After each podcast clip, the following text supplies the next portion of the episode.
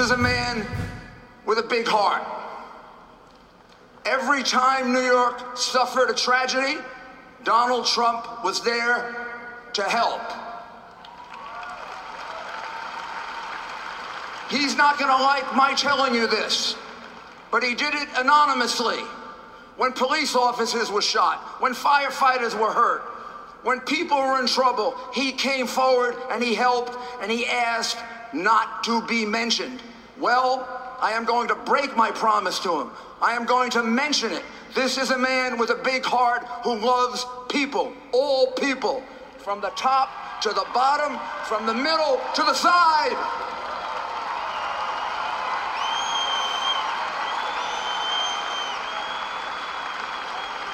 I am telling you this because I am sick and tired of the defamation of Donald Trump by the media and by the Clinton campaign. I am sick and tired of it. This is a good man.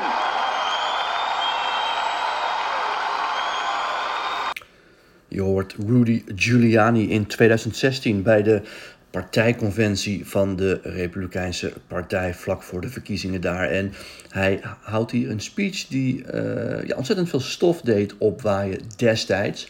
Uh, omdat hij wel heel erg op de bres ging voor Donald Trump. Logisch natuurlijk ook, want Donald Trump was de presidentskandidaat namens de Republikeinse Partij. Maar hou jezelf nog even in herinnering dat in die uh, zomer, in augustus van 2016, nog lang niet de hele partij, en dan heb ik het vooral over de partij top natuurlijk, uh, op de Trump-trein zat. was natuurlijk een bekende speech ook van Ted Cruz, die daar zei van stem vooral op wat je hartje ingeeft en niet per se, zei hij daarmee, op de Republikeinse partij. Nou is iedereen natuurlijk heel erg boos uh, om geworden toen Donald Trump uh, was daar ook boos om. Tegelijkertijd creëerde dat ook wel weer wat rumoer vanuit die partijtop. En daar houdt Trump natuurlijk van, dus zo heel erg was het ook niet. Maar Giuliani ging er volledig op de Trump-trein en dat hoor je hier ook. En um, belangrijk daarbij om te vermelden, denk ik, is dat dat uh, zowel gespeeld is, maar ook gemeend. Ik zeg het vaker, soms kunnen twee dingen tegelijkertijd waar zijn. Natuurlijk gaat uh, Giuliani hier volop in de overdrive. Dat deed hij in die hele speech. Mocht je die nou willen terugkijken, uh, tik dan even Giuliani RNC 2016 in op YouTube. Dan kun je dat zien.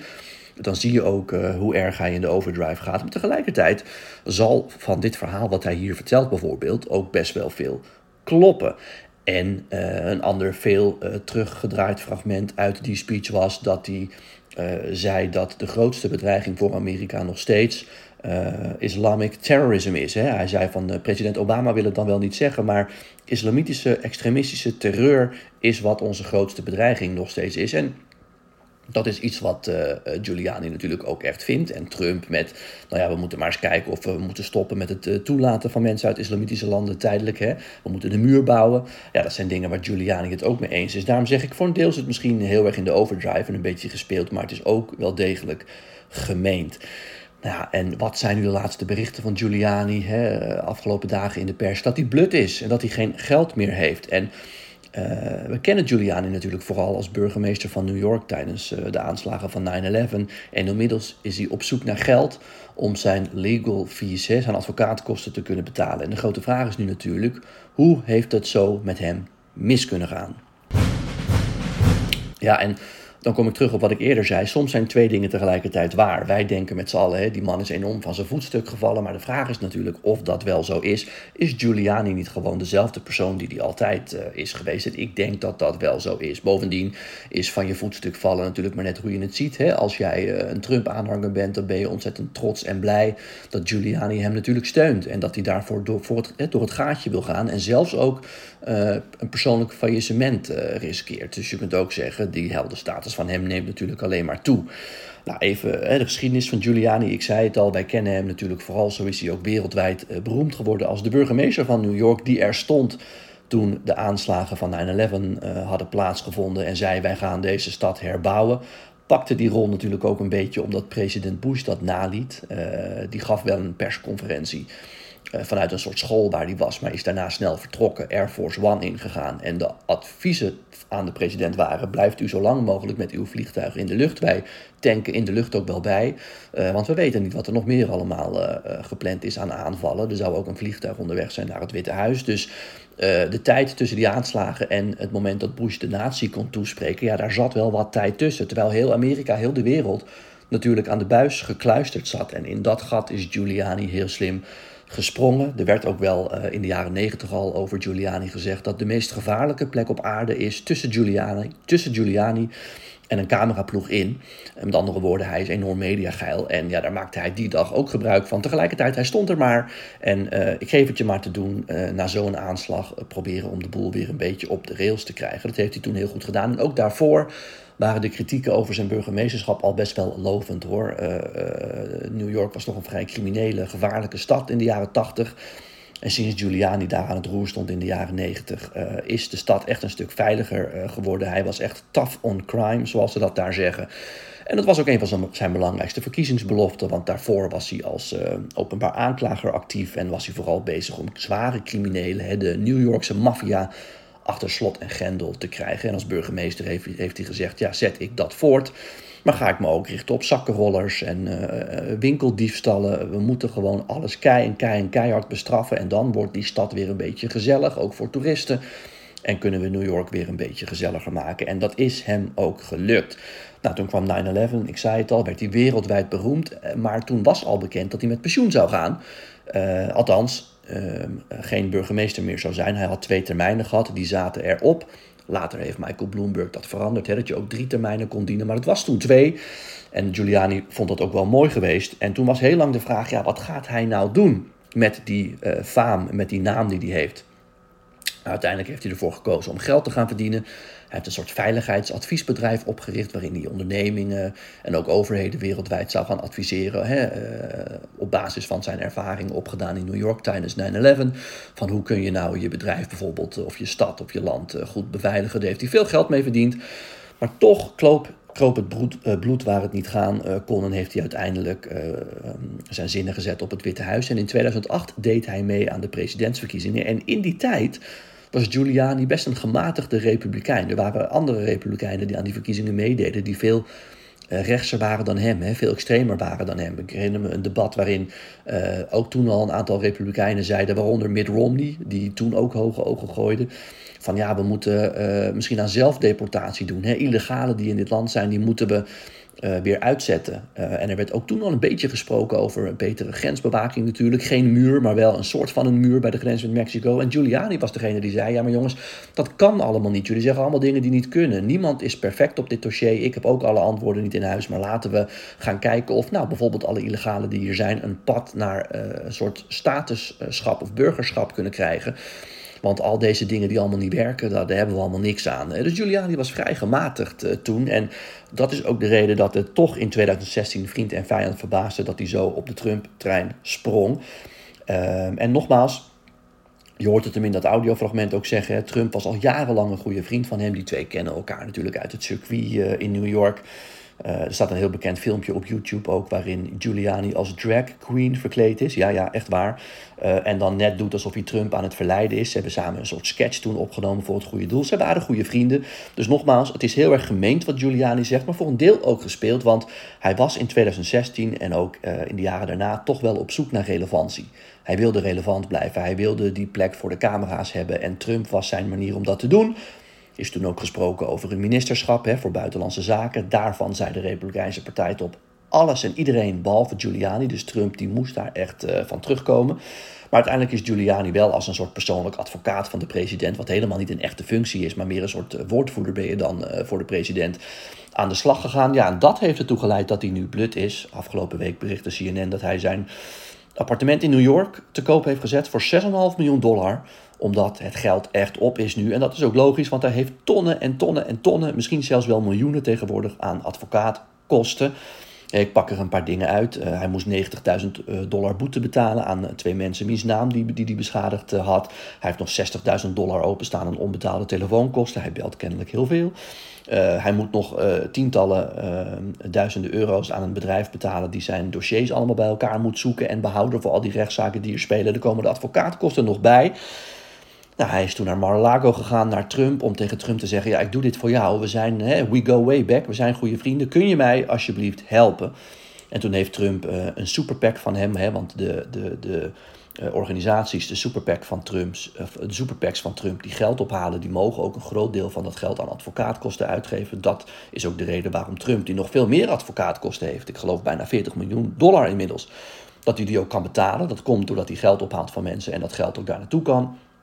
Nou, Trump heeft, heeft toen over zijn hart gestreken en Giuliani één keer, eenmalig, 350.000 dollar betaald. Althans, dat heeft hij rechtstreeks dan betaald aan wat advocaten om hem uit de brand te helpen. Maar goed, uh, het is niet genoeg. En wat ik zeg, Giuliani is blut. En je kunt dat dus zien als hè, van de held van de wereld, de held van New York, de held van Amerika, naar dit ja, aangeklaagd in meerdere staten en nu inmiddels blut uh, zijn. Je kan dat als een enorme val zien, dat is het natuurlijk ook.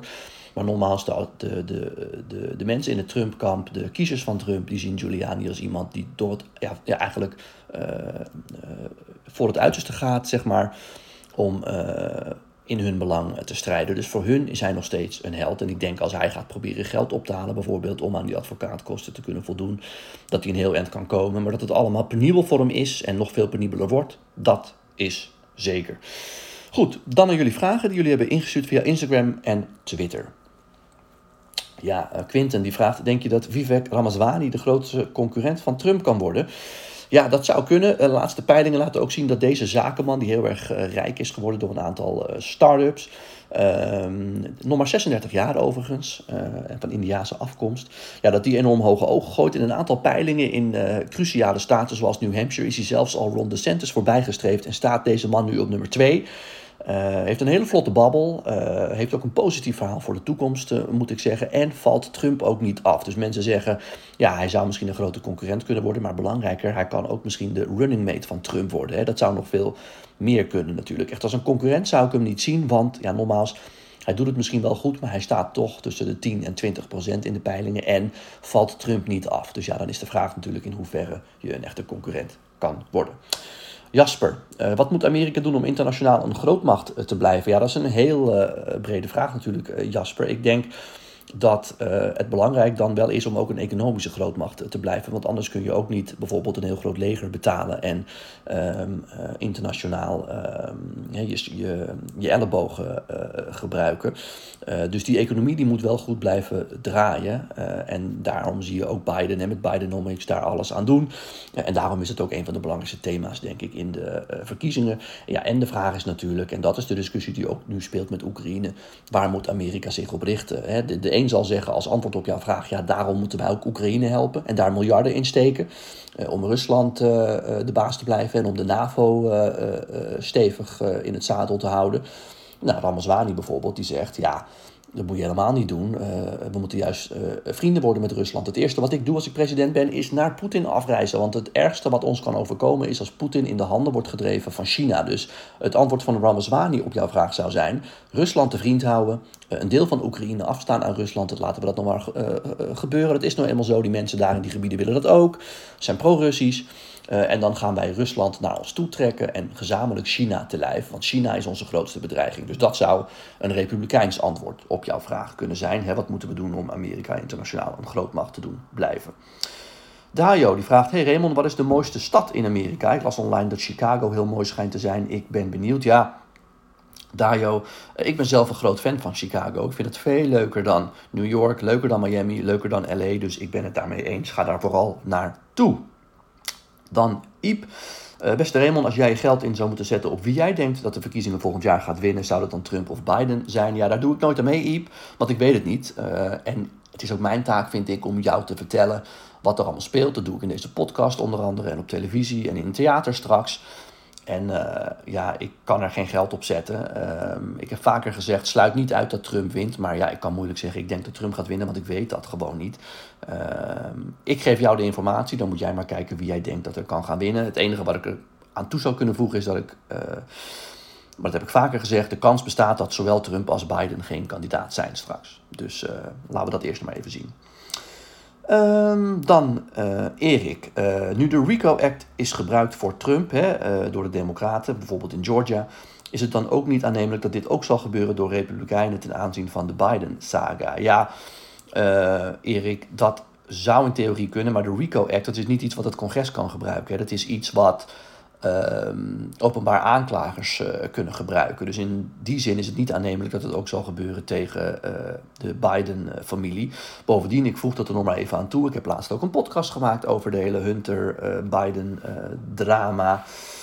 Eh, drama's daaromheen. Um, mijn analyse tot nu toe is, maar ik stel die graag bij als ik meer bewijzen zie, zo werk ik ook uh, ten aanzien van Trump. Ik heb nog geen bewijs gezien dat Biden en de hele Biden-familie ergens bij betrokken was. Ik heb wel heel veel bewijs gezien dat Hunter Biden enorm schimmige zaakjes uh, heeft, dat die uh, dingen doet die absoluut niet door de beugel kunnen, dat hij wellicht ook de, de, gevangenis in moet. Dat geloof ik allemaal. Die is echt niet zuiver op de graad. En dat hij daar zijn vader probeert bij te betrekken, omdat het hele feit dat zijn vader politiek uh, actief is, dat hij dat gebruikt om uh, als een soort melkkoe om geld te verdienen, dat is ook duidelijk. Maar dan is wel nog de vraag, heeft Joe Biden dat willens en wetens uh, ook toegestaan en heeft hij daaraan meegeholpen? En daar heb ik nog geen bewijs van gezien. Goed, tot zover weer. Dank voor al jullie vragen. Nogmaals, blijf die insturen. Kan via Twitter, Instagram en LinkedIn. Uh, en wil je nou meer informatie over deze podcast of over bijvoorbeeld andere uh, dingen, schrijf je dan in op mijn nieuwsbrief. Dat kan via remomens.nl. Tot zover en tot de volgende podcast.